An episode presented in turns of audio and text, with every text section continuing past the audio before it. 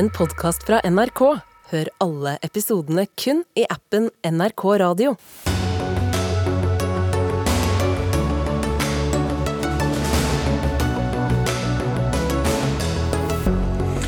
Blir det ny runde som nestleder på Hadia Tajik? Det synes i alle fall hennes eget fylkeslag.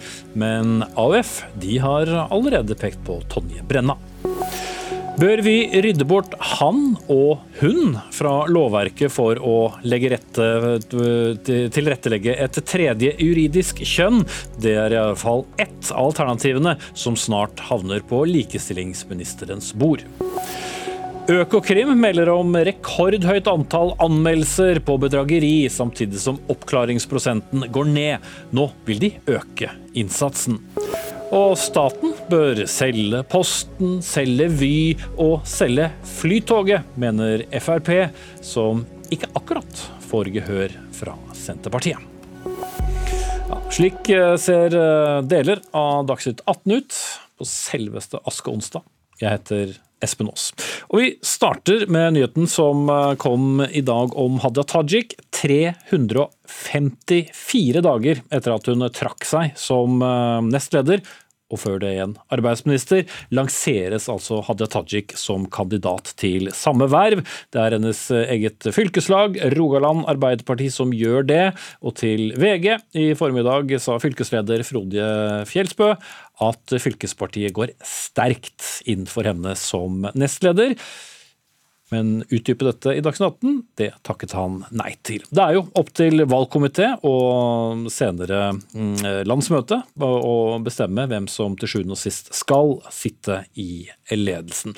Hadde Tajik takket også nei til å delta. Men Harald Birkevold, politisk redaktør i Stavanger Aftenblad, hun trakk seg jo som følge av den eh, etter hvert så kjente pendlerboligsaken. Eh, er den saken glemt under ett år etterpå i fylkestinget? Fylkeslaget?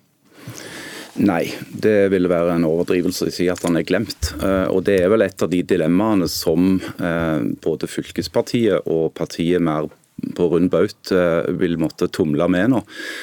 Fordi Det er noe som vi merker veldig godt i Stavanger Aftenblad som regionavis for Rogaland. det at Hadia Tajik genererer fortsatt en del debattstøy um, som går på at en del uh, f.eks. gjengangere i kommentarfeltene er veldig opphengt i denne saken fortsatt. og Det er jo sikkert noe som vil veie uh, på en eller annen måte når, når Tajik sitt kandidatur skal veies opp mot andre. Mm.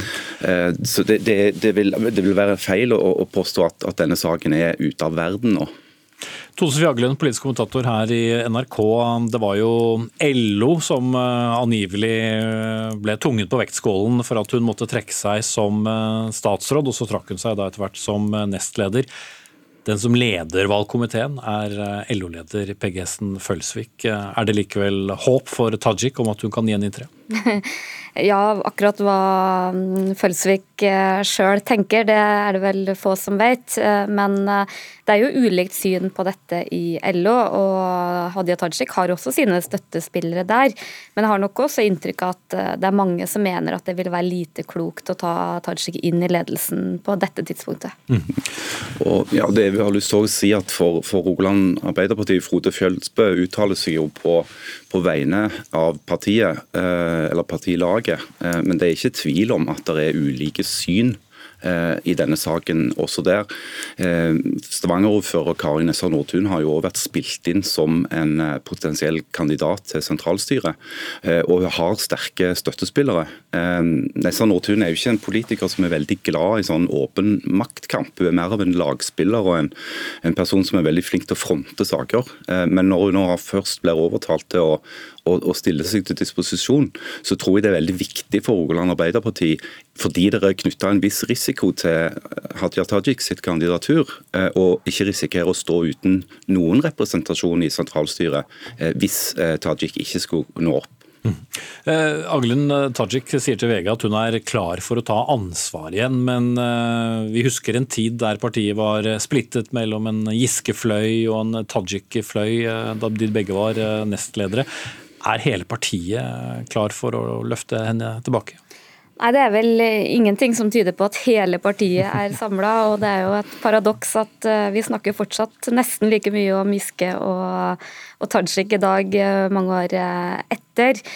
Men folk i partiet savner jo noen av egenskapene til Tajik. Det er jo helt åpenbart mangel på tydeligere profiler i regjeringa, en debattsterk nestleder som kan forsvare partiet utad, og ikke minst det politiske hun har som håndverker i Stortinget. Så det, så det, er mange grunner til å ønske henne tilbake, men jeg opplever nok at det er ganske mange motforestillinger også. Mm. Og så er det jo blitt eh, pekt på av bl.a. AUF da, at kunnskapsminister eh, Tonje Brenna er et eh, godt valg. Kan det gå mot en, en real kamp idet vi nærmer oss landsmøtet? Ja, det, det, har jo vært veldig lite kommunisert utad, men nesten uansett hvem og hvor du snakker med folk i Arbeiderpartiet, så er det nesten tatt for gitt at uh, Tonje Brenna allerede er valgt som ny nestleder. Så Sånn sett så kan det jo se ut som uh, Hadia Tajik er litt sånn seint kommet til denne festen. Det nok noen snakker om, er at man ønsker større endringer i partiledelsen. At man peker på at man kanskje trenger en ny partisekretær, en annen nestleder. Om det er liksom vilje til å gjøre store endringer i Ap Ap-ledelsen er jeg veldig usikker på. Jeg tror også det vil avhenge veldig av hvordan det går på partiet på målingene framover. Mm. Det er jo en nestleder i dag som heter Bjørnar Skjæran. Eh, kan han bli byttet ut til fordel for både Tonje Brenna og Hadia Tajik? I teorien kan jo alt skje på et annet Ja, og det er jo det som er med et parti som er i så stor krise som Arbeiderpartiet er, så kan jo alt eh, potensielt sett eh, skje. Men mitt inntrykk så langt har vært at, eh, at mange ønsker liksom nå ro, at man ønsker minst mulig endringer. Man ønsker å få en ny nestleder inn. Mange har pekt på Tonje Brenna, det virka nesten som avgjort. Og at man ønsker nytt, friskt blod i sentralstyret, og at kanskje er Tajiks største håp at hun kan få en slags trøstepremie som en plass der. Mm. Birkevold eh, Tajik eh, har jo vært eh, rikspolitiker helt siden Jens Stoltenberg var statsminister. Hvor mye rogalandsprofil er hun? Nei, altså, Haja Tajik er jo oppvokst i Bjørheimsbygda og, og er jo snakker rogalandsdialekt, men det er klart at det er noe som blir snakka om på både i fylkespartiet og i, i, lokallagene her i Rogaland, det er hvor sterk er den tilknytningen etter alle disse årene i Oslo, eh, hvor hun jo er, er, etablert med mann og barn. Eh, så det er klart at det, det er noe som har vekt eh, når både lokallag og fylkelag skal, skal, gjøre opp sin mening. Men samtidig så, så er det jo som, som Aglen påpeker, så er Hadia Tajik en av de flinkeste, og mest debattsterke politikerne eh, partiet har. Eh, og hun er også maktsøkende, eh, som noen ganger blir framlagt nærmest som en, en, karakterbrist. Men det er jo ikke det. Altså, politikk handler jo om å søke å få makt. Eh, det kommer helt an på hvordan du gjennomfører den eh, posisjoneringen din. Og Jeg er sikker på at eh, Hadia Tajik har, har, tvilt seg fram til å stille seg til disposisjon nå. fordi ja vel, det kan være for tidlig, men på et eller annet tidspunkt så blir det for seint òg. Mm. Det, det, gjelder å time det riktig. Og Hvis da valgkomiteen skulle vende tommelen ned for eh, Tajik Birkevold, hvordan ville det bli mottatt i eh, fylkespartiet? Det vil vel bli altså det vil bli mottatt med skuffelse selvfølgelig av de mange støttespillerne som Hadia Tajik har. Eh, og, men det er òg en viktig grunn til at det er mange som er opptatt av å, å fremme flere kandidater, sånn at eh, valgkomiteen og etter hvert da, eh, landsstyret har flere kandidater å velge mellom fra Rogaland. Fordi Situasjonen i dag hvor Rogaland ikke har representasjon i sentralstyret, det er ikke en eh, bra situasjon. Og til slutt, Tone Sofie Aglen, eh, vet vi noe om hva partileder og statsminister Jonas Gahr Støre måtte ønske seg? Nei, det blir vel eh, bare en spekulasjon. Men eh, en ting jeg føler meg 100% sikker på at han ønsker seg, så er det fred og ro og gode meningsmålinger. Et stykke ditt, vil kanskje noen si. Tone Sofie Aglen, politisk kommentator i NRK, og Harald Birkevold, politisk redaktør i Stavanger Aftenblad. Takk skal dere ha.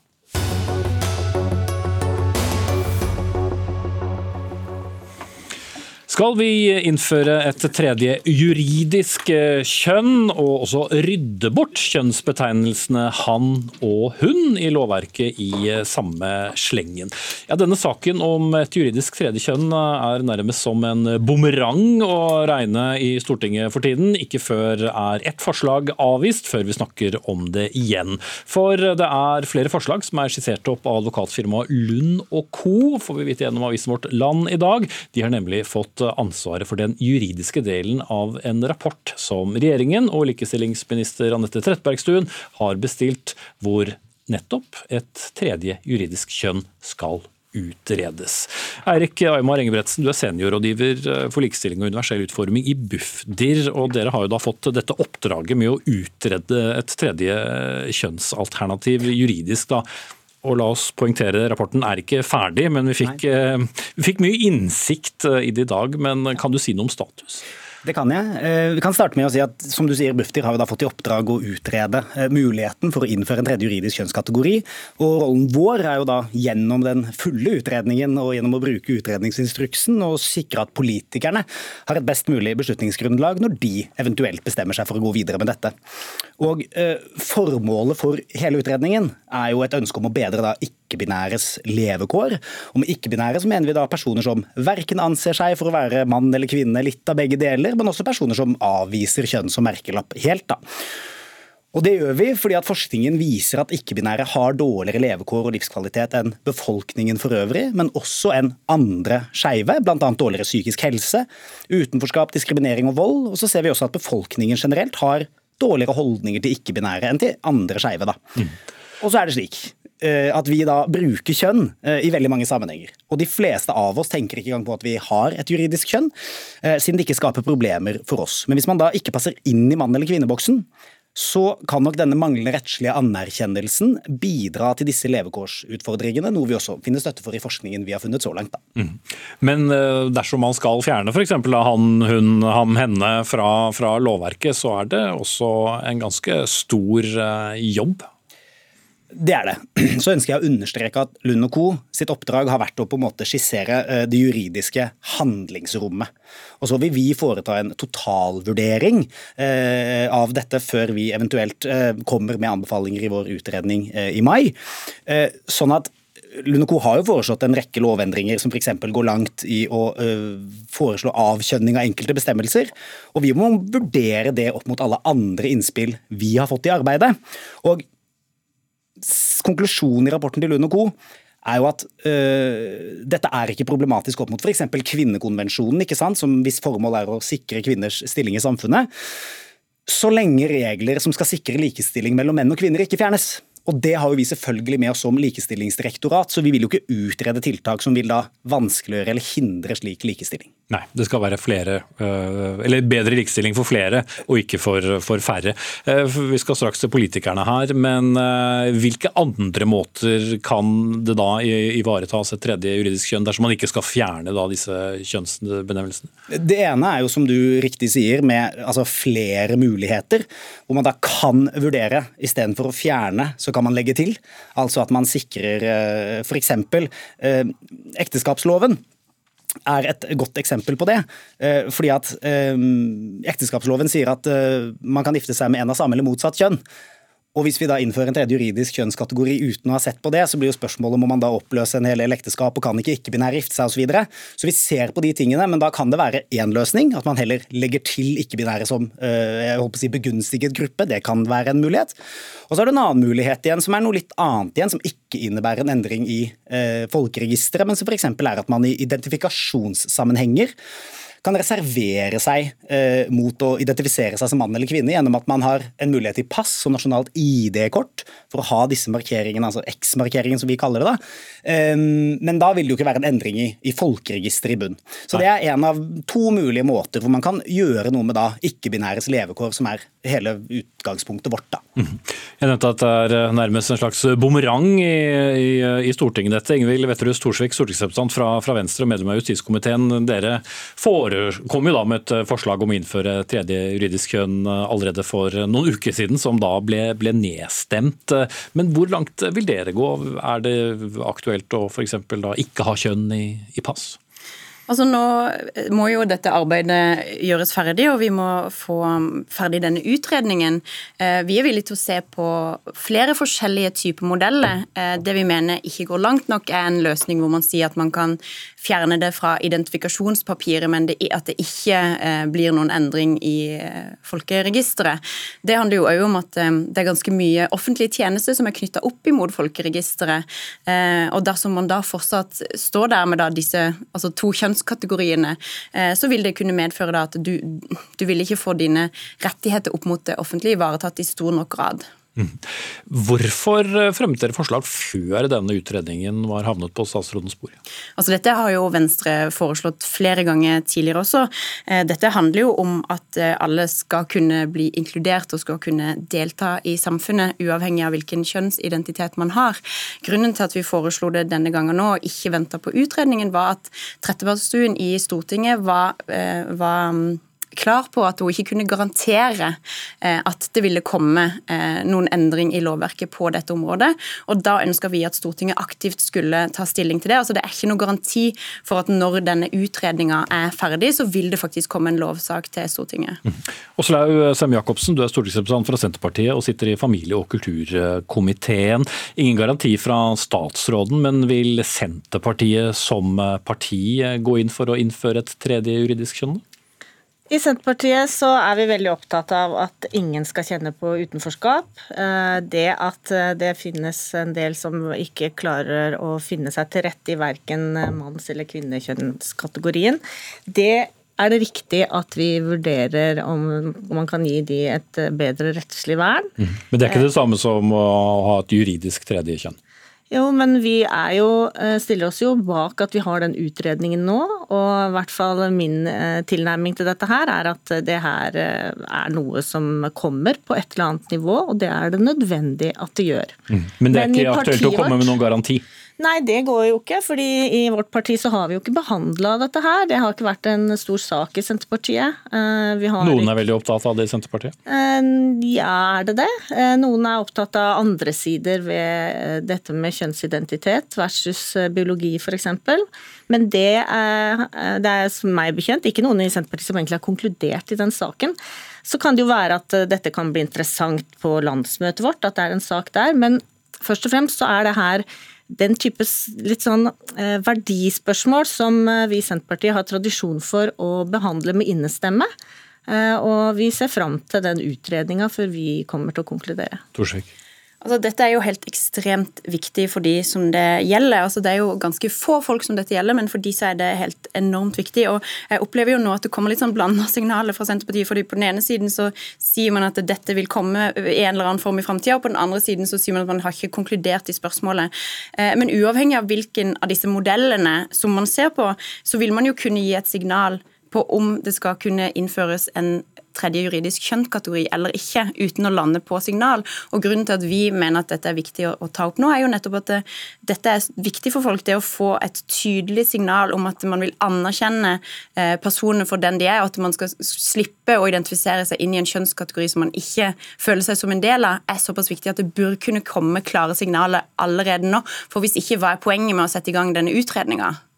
Men hva er poenget ved utredninger hvis ikke vi skal lære noe av dem og se hva, vi, hva som kommer ut av det? Altså i hvilken grad og hvordan? Det blir umulig for eh, en enkeltrepresentant for Senterpartiet å bestemme så lenge vi som parti ikke har tatt stilling til det. Eh, og selv om jeg personlig er veldig åpen for å være ganske eh, ja, progressiv på det området, så har jeg stor respekt for at det ikke nødvendigvis gjelder for alle i mitt parti. Og Det... Er du også så progressiv at du kan se for deg å fjerne han og hun fra dagens lovtekster? Uh, det har jeg ikke helt landa på. Nei, det kan jeg heller ikke si her og nå. Men jeg, jeg syns det er så viktig at eh, man forstår at det her er noe som eh, både i Senterpartiet og mange andre partier at man må ha god og grundig tid til å diskutere. Det er ikke et enkelt spørsmål, selv om Venstre får det til å lyde sånn. Det finnes ikke et parti på Stortinget, tror jeg, som ikke anerkjenner at det er vanskelig for ikke-binære i mange situasjoner, og at de ønsker seg tydeligere signaler som etterlyses her. Men man må jo håndtere disse spørsmålene veldig godt og grundig. Og det har jo også Stortingets eh, avstemninger og sånn vist, at alle sitter nå og venter på eh, den utredningen. Og da får vi godt grunnlag for å gjøre gode vurderinger. Mm. Men godt nok grunnlag til å på en måte både bestemme seg da i, i, i partiene og, og, og, foreta et vedtak i, i Stortinget som, som da blir stående for en stund? Eh, vi skal jo i hvert fall behandle det i Stortinget eh, hvis det legges fram et eh, lovforslag. Og I Senterpartiet så er den type verdispørsmål som handler om samvittighetsspørsmål og trosspørsmål og sånn, det er Der er det sånn at vi stortingsrepresentantene vi fristilles. Så det kan jo bli spennende. Mm. Her blir det ikke noen, noen partipisk, her kan hver enkelt representant stemme seg. I har ikke vi partipisk, nei. Mm. Men du syns ikke det er et vanskelig spørsmål, Torsvik? Nei, jeg syns ikke det er vanskelig å skulle konkludere med at vi trenger en tredje juridisk kjønnskategori. Og så kan vi godt diskutere eh, de forskjellige modellene for å få det til.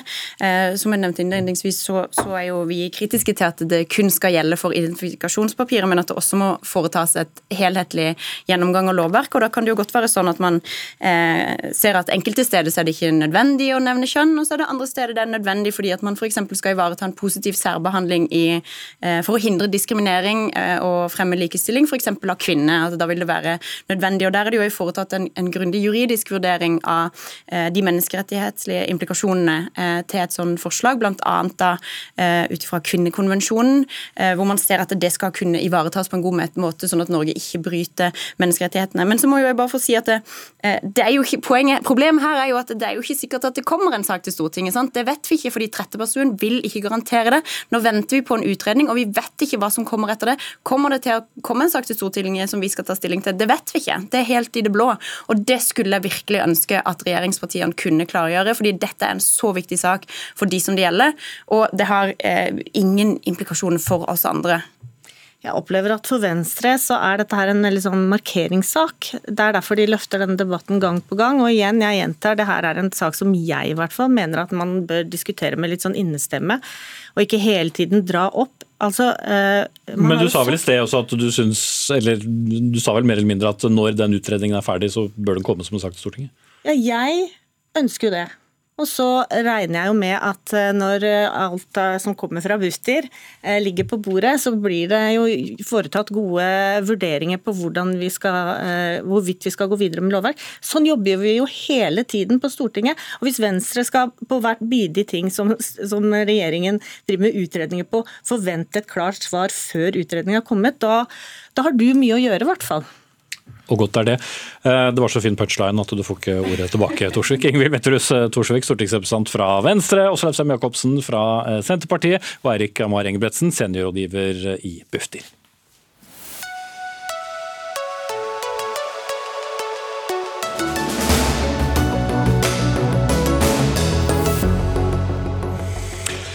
Senere i Dagsnytt 18. Mange fikk sjokk over de nye høye satsene på trafikkbøter. I dag ble det fremmet forslag om å redusere beløpet igjen i Stortinget, uten at det fikk flertall. Vi skal debattere dette mot eh, slutten av Dagsnytt 18. Men nå noe ganske annet. For privatpersoner oppretter egne Facebook-grupper for å stoppe svindlere. Og hvorfor gjør de det? Jo, de opplever at politiet ikke har tatt dem nok på alvor. Økokrim kunne melde om rekordhøyt antall anmeldelser av bedrageri. I fjor anmeldte over 23 000 personer bedrageri mot 19 000 året før. og Du skal slippe å regne det ut, men det er altså en økning på om lag 20% Oppklaringsprosenten den går samtidig ned. Og I podkastserien Operasjon Charlie av Svartpross Produksjoner handler det om nettopp svindel og bedrageri. Og Bjørn Myris, du fortalte om at du og din kone etter hvert måtte ta saken i egne hender. La oss ta saken fra start. Hva var det egentlig som skjedde? I en kort versjon, da, siden kort, vi er kortsending. Kort, kort versjon er jo bare det at vi er et gründerpar som hadde gledet oss til en ferie der vi hadde lyst til å ta med bestemor. Uh, I og med at uh, vi farter mye og får ikke så mye tid med familie. Uh, og idet vi da har valgt å uh, booke oss inn på en fantastisk plass i Marbella, så skriver vi til våre venner på sosiale medier at hei, vi er Marbella Kanskje vi kan eh, hooke opp mens vi er her nede. Og da kommer det plutselig en eh, melding fra en person som sier at hei, eh, dere kan jo selvfølgelig bare leie min leilighet for en billig penge, og så slipper dere disse dyre utgiftene med hotell og i det hele tatt. Og man skal ikke ha mye fantasi for å skjønne at uh, det ble ikke helt sånn? Nei, det ble kanskje en av de dyreste feriene vi noensinne har hatt. Eh, men det som blir spesielt, er at hun svindler oss egentlig ikke. Det ender jo opp med at vi, eh, altså hun betaler oss penger for dette oppholdet. Ehm, men utgiftene våre går på at hun hele tiden flytter og flytter på Ja, For dere får ikke tilgang på leiligheten og må da leie dere inn på hoteller eh, der nede i stedet? Vi får aldri tilgang på leiligheten. Eh, og det er òg veldig slitsomt når man da har med bestemor på 80 år. Eh, og det er veldig varmt, og man leter og leter og finner aldri denne plassen. Så nei da, det ble ekstremt komplisert. Men det gikk bra med oss. Men når vi kom hjem igjen, så begynte jo ting å skje. Og Det er først da vi tok virkelig tak i dette. Da. Ja, Dere tok saken i egne hender. og Hvordan uh, grep dere denne saken fatt? Nei, for det er når vi kom hjem igjen, så, så tenkte vi sånn, skal vi bruke mer tid på dette. Nå har vi tapt uh, hele ferien vår. Uh, vi hadde gledet oss til å tilbringe tid med familie og bestemor. og det hele tatt. Men skjønner det at altså, vi kan jo ikke bruke mer tid på dette, for vi har egentlig ikke tapt så mye. Er ikke, det er ikke en, en, svindler fra Marokko som har tømt millioner fra kontoen vår. Men så ringer en kompis og sier eh, hei, eh, hei Bjørn. Eh, jeg driver og samler inn penger til en innsamlingsaksjon. Og jeg tenker OK, ja. Og dette var jo da hans Erik, altså Hank von Helvete. Som da er godt i gang med å samle inn penger til en person som er veldig syk og trenger hjelp. Og da skjønner jeg at oi, denne personen er den samme som vi nylig har blitt light-svindlet av. da. Ja, Så den samme personen eh, som, som, lurte dere ikke for egen vinning, men rett og slett for å lure dere, dukker opp igjen? Og Det er her historien begynner. Eh, og, og, Det er her vi kontakter politiet, og det er her vi begynner å skjønne at eh, altså, hvorfor har denne personen fått holde på så lenge? Og Da klarer vi å spore frem til, altså meg og min kone, vi ringer rundt, vi sjekker med gamle journalister og saker og politi og politi, alt mulig. Og samler da etter hvert Facebook-grupper med mennesker og diverse andre sosiale medier. Og skjønner det at oi, hun har holdt på siden hun var 15, kanskje. Og vi begynner bare å dokumentere massivt denne her vanvittige episoden. Eller denne hva skal du si, Podkasten blir jo bare drøyere og drøyere eh, mm. for hver eneste episode. Hvor du har eh, benevnelsen mesterdetektiv. Hank von Haute, for dere som så vidt igjen kjenner navnet. Eh, avdød tidligere da, vokalist i, i Turbo Neger.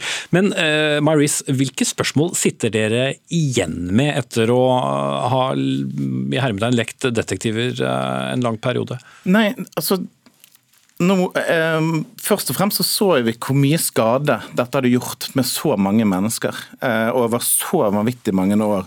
Og så har vi da, Når vi kontakter politiet for første gang, så får vi ingen respons. Eh, vi ser det at altså, vi, vi, drar til og med ned til Arendal og leverer dokumenter for første gang der eh, uten at eh, vi, vi får ikke kommet i dialog med politiet eller, eller noen ting. Eh, og, og, reisen videre er jo uh, først når vi da tar tak i med, uh, får dette ut på TV 2 og NRK og diverse, og VG skriver om, om dette. Da begynner politiet å lukte litt på dette. Da. Men det var en lang vei dit? Veldig lang vei. Og så har vi, vi har aldri hørt noe fra dem. Og vi har brukt uendelig mange tusen timer på dette. Og vi, vi måtte jo selvfølgelig dekke våre utgifter med å møte opp i rettssaken og i det hele tatt. Eh, der sier jo da myndighetene at vi skal selvfølgelig dekke det òg. Eh, nei da, vi har ikke sett de pengene, vi har ikke sett de pengene eh, som er blitt svindlet. Og andre, de fleste andre har heller ikke sett dette. Da, da vender jeg meg til Pål Lønseth, sjef i Økokrim. Ledende spørsmål, selvsagt, men er det slik det skal være at A, folk må ta saken i egne hender, og B, bruke store ressurser selv dersom de blir svindlet? Eh, nei, det er det jo ikke. Eh, nå kan ikke jeg svare for hva politiet omkring i Norge har eh, gjort med den saken. Det kjenner ikke jeg til. Dette har ikke vært noen Økokrim-sak, men det skal selvfølgelig ikke være slik. Og Det er jo derfor også at politiet nå gjør en nasjonal endring av hvordan vi organiserer etterforskningen og arbeidet mot ulike former for digitale bedragerier. For det er jo som, som det sies her, altså dette er selv om det kan være for så vidt enkelttilfeller hvor ikke det er så store beløp som forsvinner, så er det en stor belastning for de som, som rammes enkeltvis. Og samlet sett, hvis vi legger alle disse sakene sammen, så er det jo store beløp som forsvinner. Og Derfor så ser også politiet at vi er nødt til å eh, at vi til å jobbe på, mot dette på en annen måte enn hva vi har gjort eh, så langt. Mm. For, for Hvilken rettssikkerhet har du egentlig som privatperson eh, hvis du lar deg lure da via noen som, som kontakter deg og, og lover deg noe som du aldri får, men betaler for? Ja, Det er jo egentlig en uh, Rettssikkerhetsmessig så er det jo sånn at du er fornærmet i en straffesak hvis det er et bedrageri, og det er det jo fort uh, her. Uh, så er det jo den beskyttelsen som si, straffeloven gir enkeltindivider. Men så, i tillegg så er det jo også sånn at man selvfølgelig har et sivilrettslig mulighet til å, til, til å gå etter de som som ja, reelt, reelt, sett bryter en avtale man har inngått. Mm. Men det betyr at du må gjøre en god del av jobben selv? Ja, hvis du velger å forfølge det sivilrettslig, som det heter, altså gå gjennom det sivile eh, apparatet, så, så, må man jo legge ned en uh, innsats selv. Uh, men så er det jo sånn at man, i mange tilfeller så er jo dette straffbare forhold som, som politiet skal håndtere også. Og det er der vi, politiet ønsker å bli bedre. Sindre Leganger, du er journalist da i Svarttrost Produksjoner som har laget denne eh, podkasten. Eh, hovedpersonen omtales som Charlie, eller lurelegen. Uh, hvor mange historier knyttet til denne personen kom dere over? Vi kom over mange. altså Bjørn, Bjørn sin historie er en av dem. Og, og, gjennom jobben han gjorde med å samle folk i det her, kalle det detektivnettverket basert på Facebook, så, så, fant jo vi også veldig mange flere. Og, én ting er jo det som altså, historiene fra rundt 2016-2017 som, som, på en måte Bjørn bidro til å få opp i rettssystemet og straffa, men vi fant også historier fra, i nyere tid og Det er jo eh, altså på den samme kvinnen, da, og det er også et perspektiv her. Altså Hvordan stopper vi de her eh, seriebedragerne? Altså, Summene er kanskje ikke så store, og da blir heller ikke straffen så lang. så så det er jo også noe som vi så her, at eh, det tok ikke lang tid før hun var ferdig eh, med å sone, før hun kom ut igjen og begikk nye bedragerier. Mm. Og Så vidt vi fant ut av i dag, så er hun fortsatt eh, aktiv, aktiv, på Facebook. Vi tok kontakt med henne direkte også, men ønsket da ikke å, å, å kommentere saken. Men hun har, så vidt dere forstått, da vært aktiv videre. Ja, det, det, vi klarte å finne ut var at Senest i januar 2022 så fikk hun et forelegg av politiet i Arendal for fire bedragerier. og da, Det samme året så var det to andre anmeldelser for bedrageri som var henlagt. Mm. Ja, Lønnseth, hvor mange slike saker ender opp med å, å bli henlagt? For Det krever jo åpenbart en del arbeid å, å ettergå enkelte personer som er veldig aktive her? Ja, men jeg tror, eh, jeg tror, denne saken illustrerer også noe av eh, eh, problemet som politiet nå ønsker å gjøre noe med. og det er at her er det ulike politidistrikter som er involvert, og så ses ikke disse sakene nødvendigvis så godt i sammenheng. Og så får man kanskje reaksjoner for, for enkelttilfeller av bedragerier, hvor kanskje antallet reelt sett er mye større. og Da blir jo heller ikke straffen så, så lang. Og Det er, eh, det er litt av problemstillingen her. Mm. Og Leganger, de dere har eh, snakket om, eh, eller snakket med snarere i arbeidet med denne podkasten, hva er det de sier selv om hvordan de blir møtt og, og hva de kanskje ikke får? Det som går igjen er at Mange har opplevd å få saken sin henlagt, kanskje pga. manglende saksbehandlingskapasitet hos politiet. og også da at de ikke føler de har blitt tatt på alvor, eller ikke forstår hvorfor det endte med henleggelse når det er snakk om en kjent seriebedrager. Så, så, det er noe som Jeg har tenkt på at uh, jeg kan jo forstå politiets prioriteringer ofte. at uh, Hvis du må velge mellom uh, å etterforske en sak på 5000 kroner som eh, bedrageri på Finn eller en alvorlig partnervoldssak, liksom, så velger man partnervoldssaken. Men jeg tror likevel det kanskje kan gjøres en, en, innsats fra politiet for å forklare det her til de berørte. Altså, vi, vi har ikke ressurser til å prioritere saken din, men det er fordi også komme med noen gode grunner, rett og slett, istedenfor å sende et, brev, et henleggelsesbrev i posten med, med liksom henlagt pga. Eh, saksbehandlingskapasitet. Mm. For Pål Lønseth, mange tenker jo sikkert etter å ha hørt på det vi har snakket om nå, at det kanskje ikke er noe poeng å anmelde? Og Særlig hvis ikke beløpet er så stort og ikke man har lidd eh, så store økonomiske eh, tap, slik som Maurice i studio her? Ja, det er nok mange som tenker, og til det vil jeg si at uh, anmelde disse sakene. Om ikke annet så i hvert fall tips oss på det. Økokrim har et eget tipsmottak på bedragerisaker. For det er veldig viktig hvis vi skal klare å se disse sakene i sammenheng. For, for her er det jo mange over landet, og også til dels utlandet, som er rammet av de samme type bedrageriene. og for, for, at vi skal kunne se dette i sammenheng og kunne presentere da en, et bilde for domstolene også i enkeltsaker som er noe mer enn en to-tre bedragerier, så er det viktig at vi får informasjon om det. Og det Vi vet at det er mye mørketall på her. Det, programlederen nevnte at det var eh, nær 24 000 anmeldelser på bedragerier i fjor. Det tror jeg vi eh, kan si kommer sikkert til å øke videre. og eh, Derfor er vi veldig opptatt av å få inn informasjon om dette fra de fornærmede. Mm -hmm. Runda med deg også, Bjørn Maris. Har du troen på, på, på en endring? Altså, jeg syns det er veldig spesielt at meg og Anja måtte løse denne saken og jobbe så uendelig mye med det for bare å få det inn i politisystemet. Og når det endelig blir en sak, og vi òg informerer om at denne personen kommer til å fortsette etterpå, eh, bare det at vi aldri har hatt en dialog med politiet, og det er vi som har gjort alt arbeidet deres, syns vi er veldig spesielt. Så jeg tror eh, tips til eh, myndighetene og politiet er å ansette personer som Operasjon Charlie, og få hjelp av de, for de har jo overskudd og ressurser til dette. Eh, for eh, det er et eller annet med eh, Vi har ikke fått en eneste samtale med politiet i løpet av den prosessen. Det syns meg og Anja er veldig rart. Ikke en takk engang. Din bedre halvdel, altså. Var det verdt det, hvis du kan svare kort på det til slutt? Det er jo det som er dilemmaet. Det er jo ikke verdt det. Men det er verdt det for våre samvittighet. Det vi vet at vi har reddet liv. Vi har reddet mange tunge situasjoner for veldig mange. Eh, altså Folk som kanskje vil eh, vurdere å ta selvmord fordi at situasjonen har vært grusom. Mm. Ja, Bjørn Ønse, nei, Pål Enseth Snare, du skal slippe å si at ikke du kan kommentere enkeltsaken en gang til. Eh, du er sjef for Økokrim, takk skal du ha. Bjørn Maris, mediegründer og da kjent som mesterdetektiv i denne podkasten, som Sindre Leganger er journalist i, Svart Tross Produksjoner. Takk skal du ha.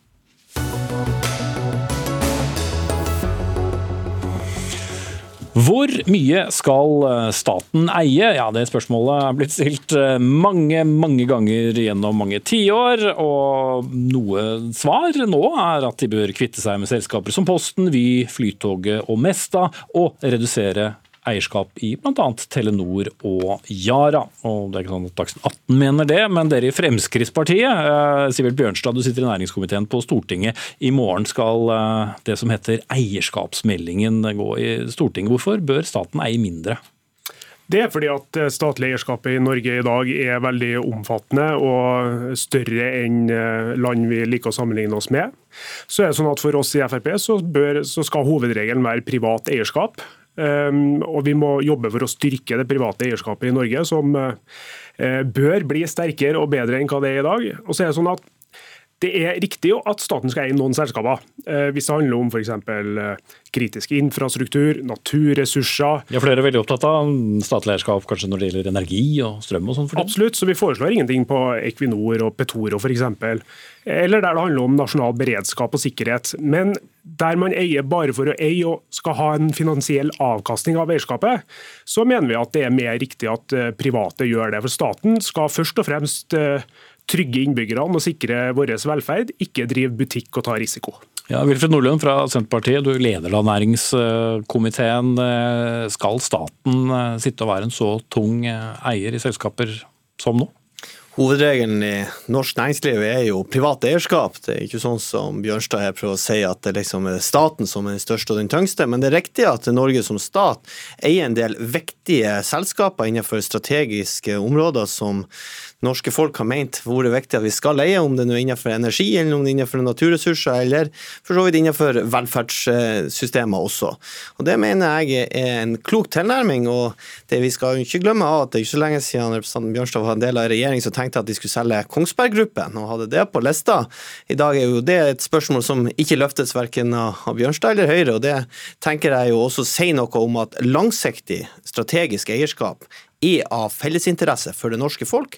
Og det er jo for så vidt også Sivert inne på, i, i, både i innstillinga og her nå i innlegget sitt. Men, men, bare for å ta noen av enkelteksemplene. Hvorfor skal staten eh, eie eh, de som kjører eh, tog?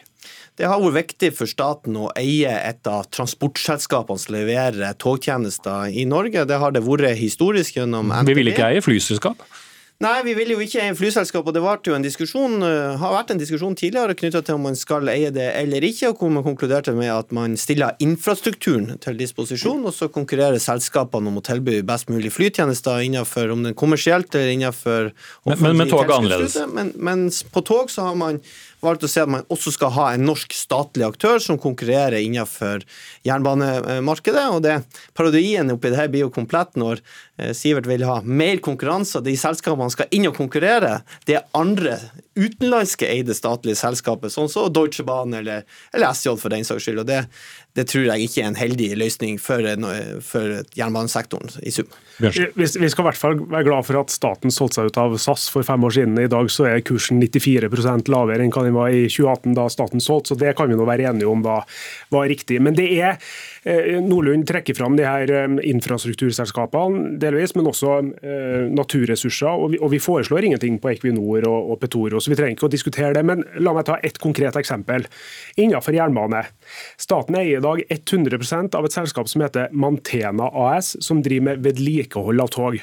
Staten driver ikke med vedlikehold av biler. Staten driver ikke med vedlikehold av båter. Staten driver ikke med vedlikehold av fly. Staten driver egentlig ikke med vedlikehold av noe transportmiddel annet enn tog. Det driver private med, og gjør det helt fint. Hvorfor i alle dager skal staten drive med vedlikehold av tog? Det har vært viktig for staten å ha en kompetanse knytta til det at når vi tross alt har et statlig togselskap, så handler det noe om beredskap og sikker infrastruktur, at man også har kompetanse knytta til å holde togene i drift. Og det er for så vidt ikke sant at vi ikke driver vedlikehold innenfor både eh, andre eh, transportmidler som sådan. Det gjør vi gjennom Forsvaret bl.a., og der vedlikeholder vi i en stor grad sjøl. Litt mer sjangerbasert? Dette her er litt mer nyansert enn det bildet som eh, Sivert her prøver å tegne. Men på 2000-tallet så solgte jo staten seg kraftig ned, og i, både daværende Statoil, som i dag heter Equinor, og, og Telenor, og de ble børsnotert, eh, og i hermetegn hvem som helst kunne kjøpe seg inn. Mener du det var feil? Jeg tror i hvert fall at eh, gitt eh, sånn som dagens situasjon er, så vil nok eh, man kanskje ha tenkt litt annerledes. Og det registrerer jeg også at Fremskrittspartiet gjør, nå når de tidligere har jo ment at man skulle selge seg ned i Statkraft. Det mener man jo ikke lenger, som Sivert sier. Man er opptatt av å beholde eierskapet knytta til energiselskapet. Og det handler jo også selvfølgelig om at vi lever i en mer urolig verden, hvor vi også har store utfordringer skal løses. Og da mener Senterpartiet at det er riktig at vi eier strategiske, viktige selskaper, om det er av hensyn til hovedkontorfunksjoner kompetanse eller andre formål som er Var det vi, et svar på om vi burde eller ikke burde solgt oss ned i Equinor og Telenor?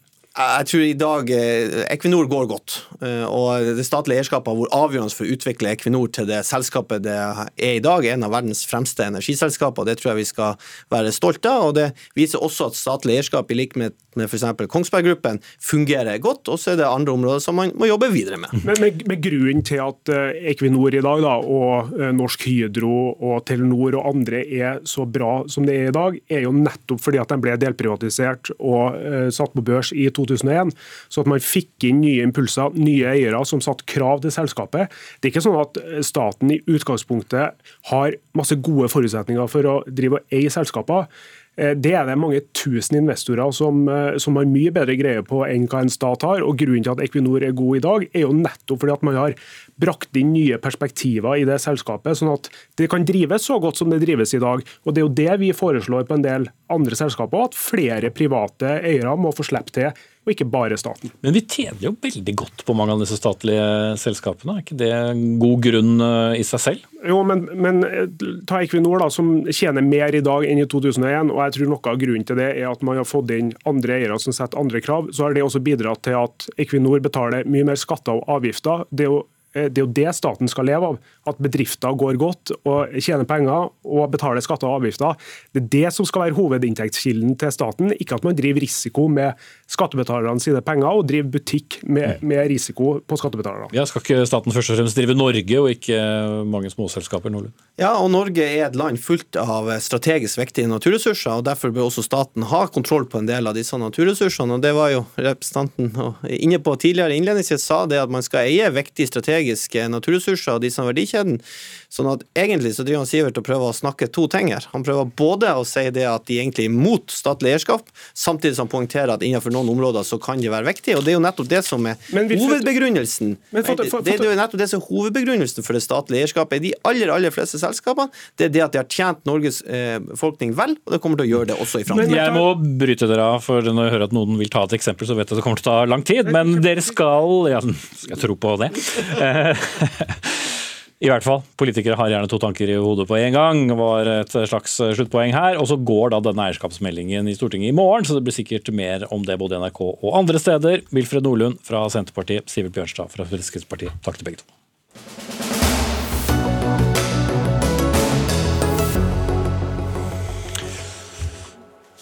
I dag har det vært hektisk møtevirksomhet i forbindelse med krigen i Ukraina. I Moskva har den russiske nasjonalforsamlingen godkjent president Vladimir Putins beslutning om å suspendere Russlands deltakelse i atomvåpenavtalen Ny Start. Og Putin har møtt Kinas toppdiplomat i ettermiddag, mens USAs President Joe Biden har møtt ledere fra de østeuropeiske landene i Nato på et møte i Polens hovedstad Warszawa. Og Gro Holm, korrespondent eh, normalt i Moskva, men nå her i, i, i Oslo.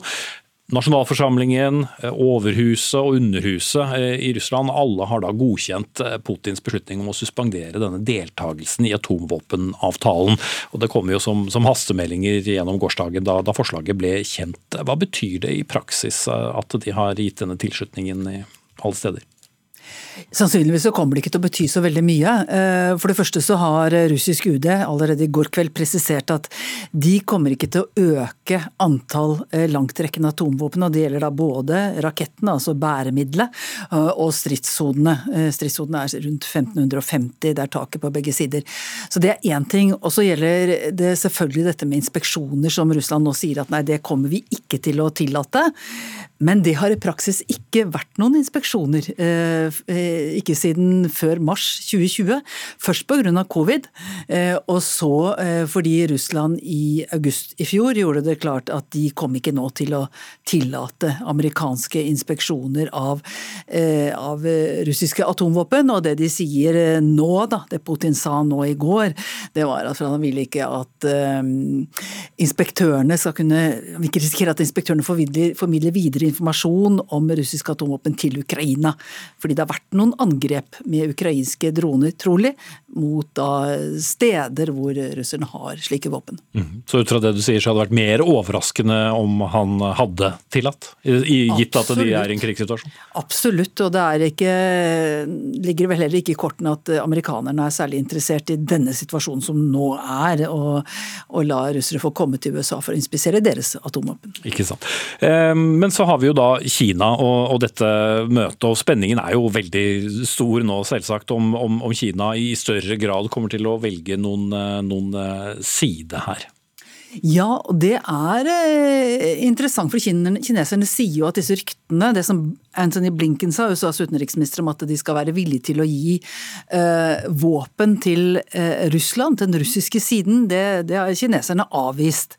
Og det var interessant, for det, jeg, må, jeg, jeg, jeg, har et um, lite, en liten huskelapp her. fordi at det ble sagt altså Wang Yi, denne toppdiplomaten, han uttalte seg litt sånn kryptisk og rart som kineserne ofte gjør, men budskapet hvert på, en, eh, på et punkt var klart. Han sa at forholdet mellom Russland og Kina ikke er rettet mot noen tredjepart. Underforstått. Samarbeidet mellom, og, eh, nei, mellom Kina og Russland skal ikke få gå utover eh, forholdet til Europa og USA. Og dette er jo kinesisk balansekunst, hvor eh, de pengene de eventuelt kunne tjene på å selge våpen til Russland, de er ikke så viktige som det å opprettholde rollen som økonomisk stormakt, som faktisk avhenger ikke sant, at det forholdet er sånn noenlunde til Europa eh, og til også USA, selv om det er mye spenninger der. Penger rår også eh, en kommunistisk stat. Jørn Holm Hansen, forsker ved Oslo OsloMet og også Polen-ekspert. Vi hadde jo Joe Biden og Natos generalsekretær Jens Stoltenberg som da møttes, eh, og møtte også flere da østeuropeiske Nato-land. Hva vet du om dette innholdet i møtet? Bucuresti 9-gruppen kalles det jo. Det kom et kommuniké eh, fra møtet som sier at de skal samarbeide og skal stå sammen om eh, å støtte Ukraina og eh, gjøre tiltak mot Russland. Men det er jo kjent at det er en del indre rivninger i denne Bucarest-nieren. Ja, Det er langt fra, fra Polen til Ungarn, f.eks.? Ja, det har vært ganske nær, de to har vært ganske nærme lenge. De står jo for veldig mye av det samme nasjonalkonservative, EU-skeptiske tradisjonalistiske opplegget. Men i denne saken så har de liksom inntatt hver sitt eh, ytterpunkt eh, innad i Nato og i EU, hvor Polen har stått på for hardest mulig tiltak mot Russland, mest mulig våpen til Ukraina, mens eh, Ungarn har gjort det motsatte. og Allierte fly som skal fly våpen inn i Ukraina, de må fly rundt ungarsk luftrom. Men ut fra det som da er sagt, betyr det at Ungarn flytter seg nærmere de andre landene, eller er det ikke så enkelt? Nei, de har nok kommet fram til et slags kompromiss her. Og det er jo klart at også Ungarn fordømmer jo invasjonen, angrepet på Ukraina. Men de gjør det på en mildere måte av mange forskjellige årsaker. Mm. Polen, da, hvor eh, viktig rolle spiller det landet nå i, i dette forholdet mellom Nato og, og, Ukraina? Mange reiser jo via Polen for å komme seg inn i Ukraina, ikke minst? ja, det er blitt veldig populært å dra til Polen for så å stikke inn i, i Ukraina for eh, statsledere. Men det er helt klart at uh, hvis du ser på den uh, polske nasjonalkonservative regjeringen, så er de nå brysker i seg litt og sier at nå er vi liksom en stor geopolitisk aktør i verden. Se, Biden kommer til oss, osv. Men uh, jeg er ikke så sikker på om det er tilfellet. Og de hadde jo et ønske om at Biden skulle gi dem nærmest et sånn godkjentstempel. Polen har jo vært en versting i mange år. Eh, det har vært litt stillere, i hvert fall i massemedia, om Polens framferd det siste året, av naturlige årsaker. Men Biden sa ikke noe om Polen, han snakket bare om Ukraina. Og når det gjelder eh, dette verstingstempelet Polen har, så har de jo fortsatt i samme lei i dette året når det gjelder f.eks. For forholdet til EU og forholdet til Tyskland, hvor EU fremdeles er veldig bekymret for angrepene på domstolenes eh, uavhengighet, f.eks. Litt staurebæring også øst i, i Europa. Absolutt. Bjørn Hansen, forsker ved NIBR, OsloMet og Polenekspert, og vår Moskva-korrespondent Gro Holm. Så blir det mer om dette forholdet i dagene som kommer.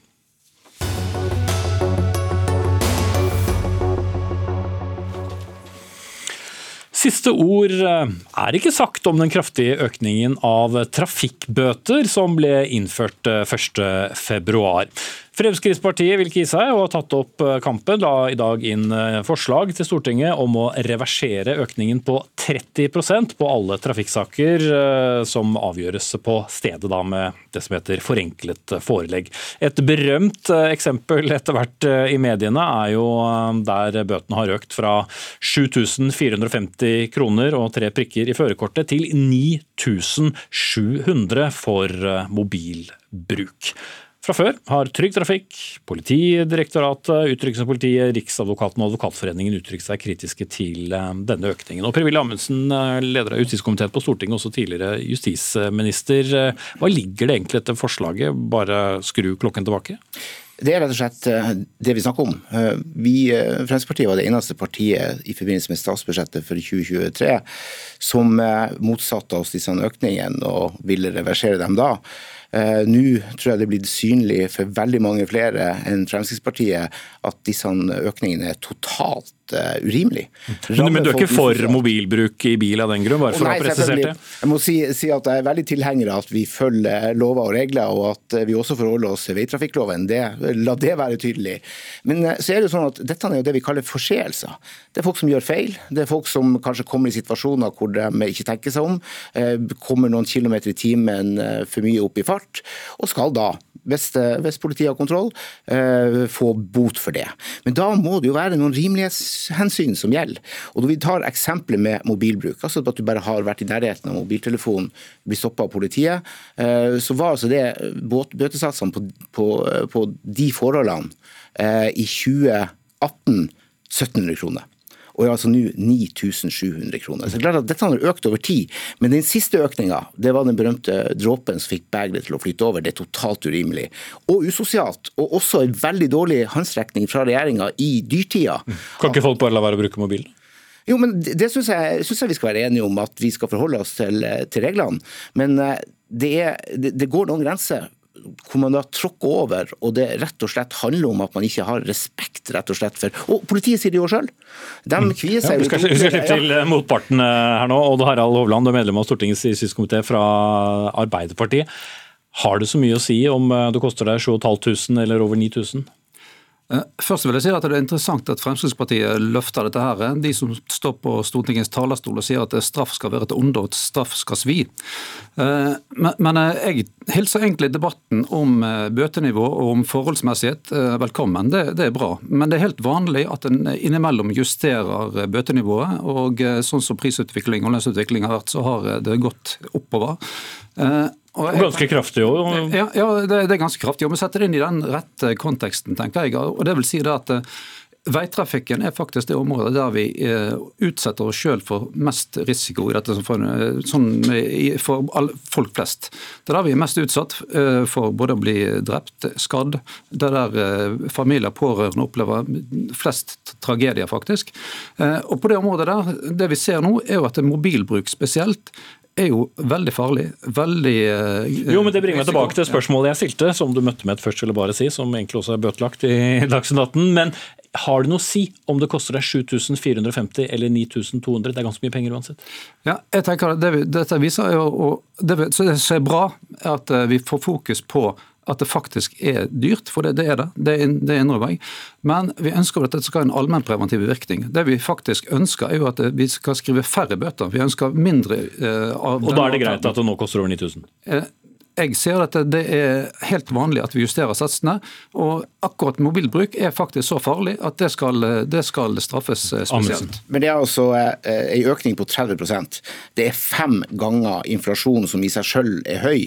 Det er dyrtid. Folk har dårlig råd, lite, lite penger mellom hendene.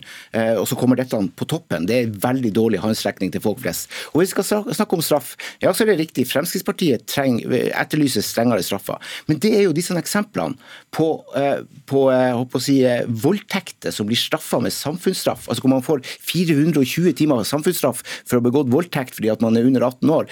Helt urimelige forhold. Så og helt forskjellige lovbrudd. Altså, hvis vi holder oss til ja, veitrafikken nå. Men I og med at uh, Arbeiderpartiet tok det opp, så mailer, okay. velger jeg å, å, å peke på det. Men så er det, dersom det man er opptatt av er faktisk trafikksikkerhet, eh, så henger det jo ikke på greip. Fordi at eh, det her er jo åpenbart kun en sak som handler om å dra inn mer penger til den store oppfylte statskassa. Så mener det ligger bak? At ja, det, er det, er fiskale inntekter? Ja, det er helt åpenbart. Og, det, og Dersom de vil gjøre noe med veitrafikkforholdene, altså tryggere veier, så hadde de ikke kutta to tredjedeler i rassikringa. Da hadde de ikke stoppa rumlefeltet. Da hadde de ikke gjort okay, vi, vi, vi de nedtrekkene som er tilfellet på samferdsel. Til bøtene fortsatt, Hovland. Eh, mobilbruk er risikoatferd. Eh, det er det ingen tvil om. Eh, og det er, helt, det er faktisk viktig at det blir slått ned på det, at en er tydelig i forhold til det. Det er uønsket atferd. Så vil jeg bare si at i forhold til dette til usosialt. Ja, altså Det har vært en lang diskusjon helt ifra en innførte forenkle forelegg og standardiserte satser, at dette kan ramme ulikt, alt i forhold til inntekt.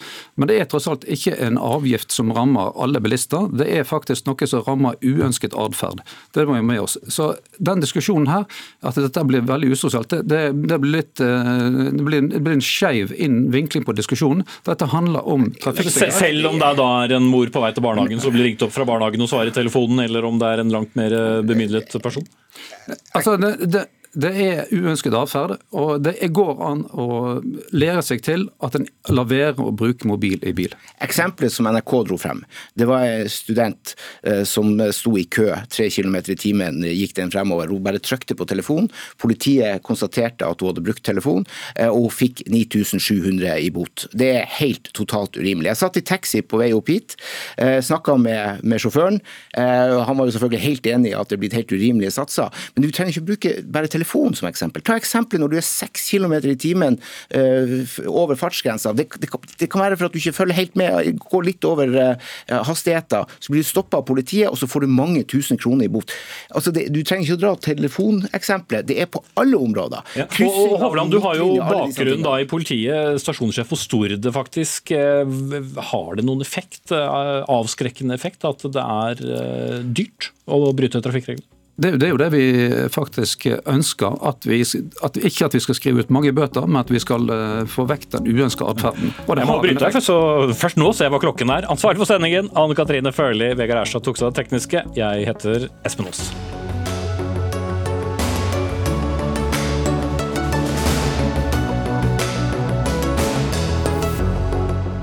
Du har hørt en podkast fra NRK. Hør alle episodene kun i appen NRK Radio.